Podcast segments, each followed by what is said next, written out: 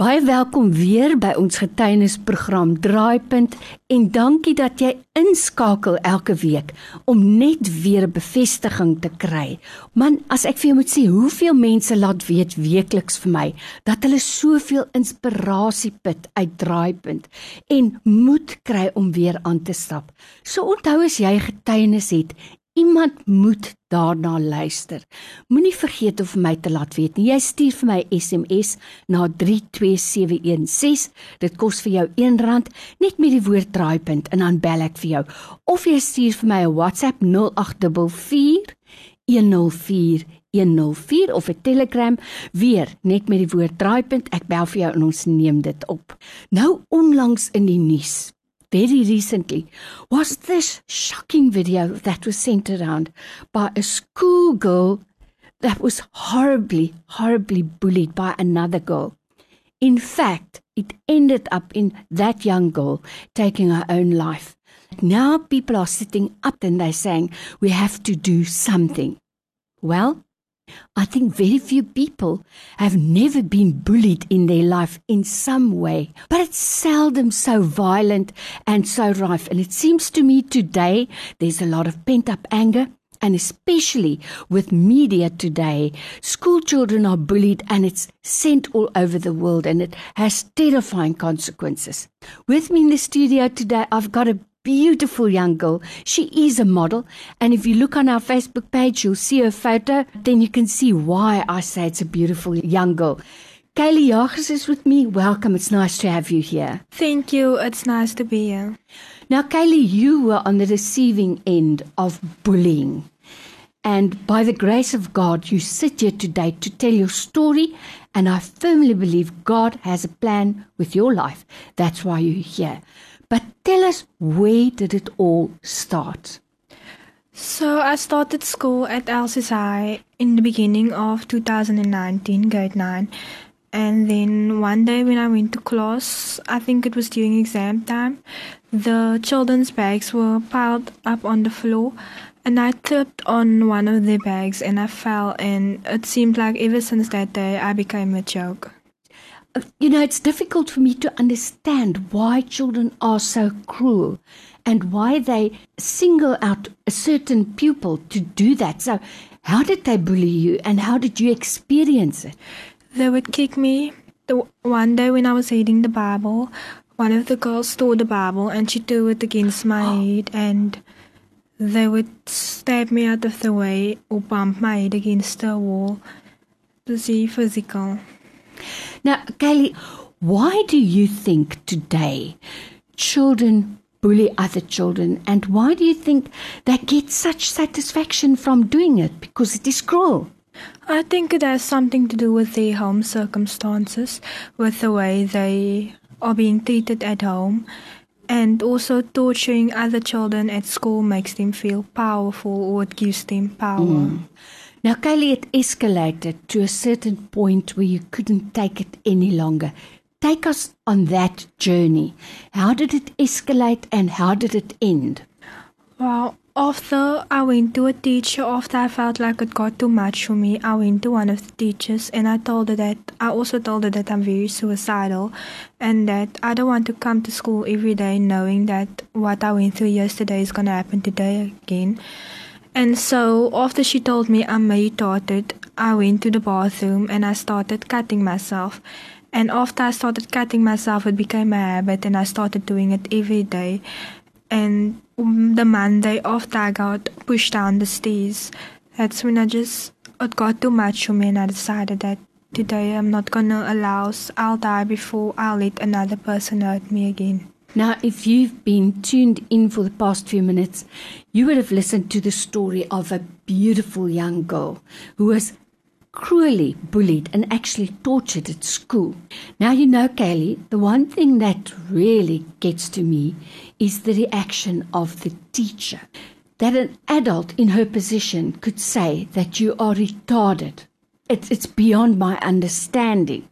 But I want to ask you two things now so that we can understand, and maybe parents who are listening today will understand. You said that you started cutting yourself. Did someone show you? Did you just discover it by yourself?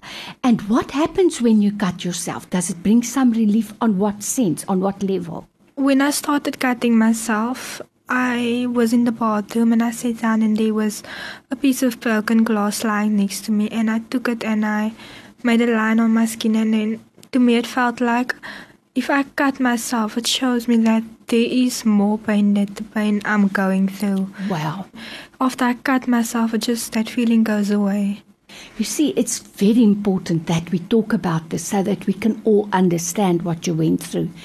Now, as I said, the bullying and the cruel behavior intensified and escalated up to a point where you felt, I can take this no longer. What happened? After the girl pushed me down the stairs, my head bumped against the gate and then everyone started laughing. And I didn't go after the teacher, she was my English teacher. After she said that I made that I never went back to a class. After I sat in the bathroom, I thought to myself that it's gonna be like this every day. So what's the point of me even coming to school because I don't learn anything? I'm just going to be tortured again. Mm-hmm. And so I decided that today is gonna I'm gonna end my life and I also knew that by ending my life I'm going to hell, but I told myself that if I go to hell, it can't be worse than what I'm going through every day at school. Wow, because you were experiencing hell on earth every day at school. Now, I want parents who are listening and even children who are listening to understand what they are doing to someone if they carry on bullying. So, what happened? How did you decide to make an end to it? And what happened? Because you're sitting here today looking as pretty as ever. Thank you. When my mom came to fetch me at school, my thoughts were that I'm gonna go home and then I'm gonna hang myself. I got the skipping rope and everything to hang myself. When I got in the garage, my father was there, and I think it's only by the grace of God that he Yes. was there. And so I went back inside, and there was no other way. And then I went and I um, scratched in the cabinets that was there, and I found as much medication as I could take, and I threw it on the cabinet. I remember all the different colors, and I just started swallowing all of them. Well, you said it yourself. By the grace of God, you are here today still because I know that your story is going to change and to touch hundreds of lives. I, I believe God for that. He had a plan with your life. So, who found you? What happened? I don't know. I was unconscious after the medication. And when you came to, When I opened my eyes the first time after the attempt when I woke in hospital, when I opened my eyes and I saw my mother crying, I could feel my pain go away because how can I be so selfish to think that I am nothing when the person who gave life to me thinks that I'm something? that you are everything. And that is how God feels about us. Amen. Amen. Thank you. And after you came out of hospital or after your suicide attempt, did you go back to school? And what did they say? No, I didn't go back to school. Hmm. No one checked on me or even asked after the attempt how I'm doing or how's it going now. No one.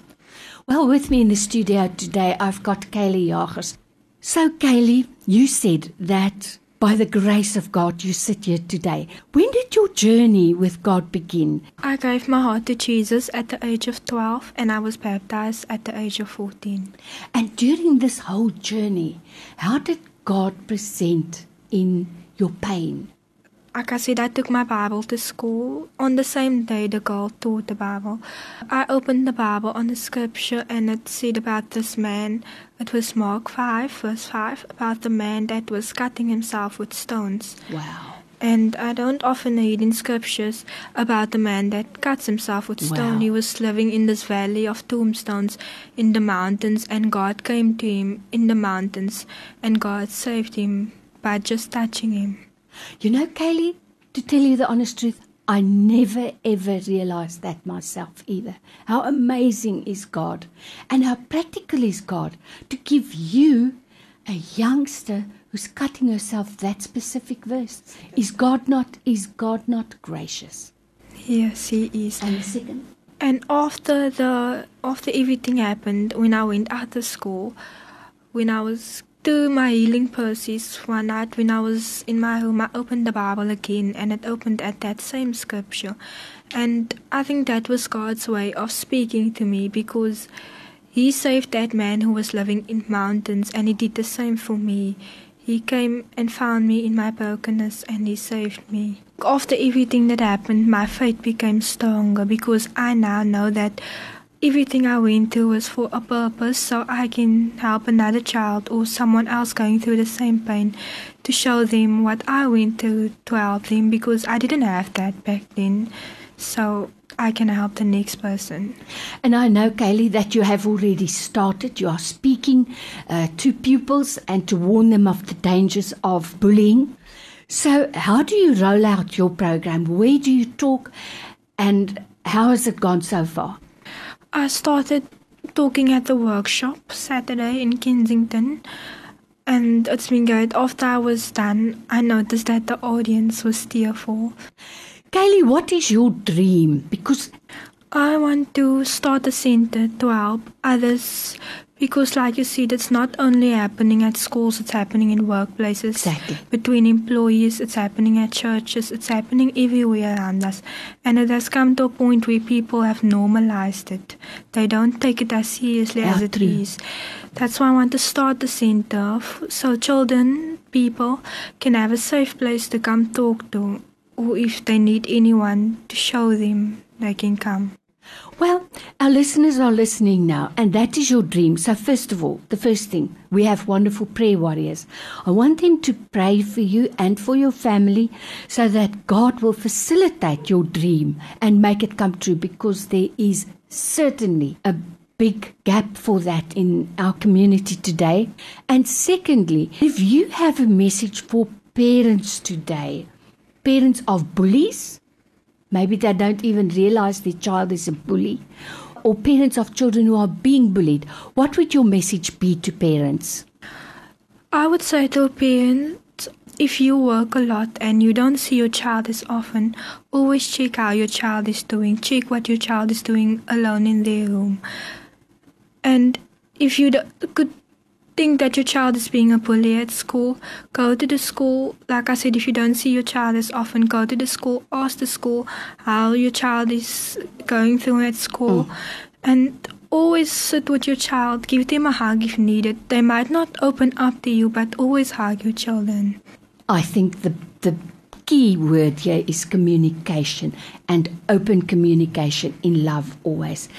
Ek wil vir jou sê Kylie, dankie dat jy ingekom het en moeite gedoen het. Vir jou ma wat jou gebring het, vir ouma wat hier is vir ondersteuning. Mag die Here vir julle ryklik seën.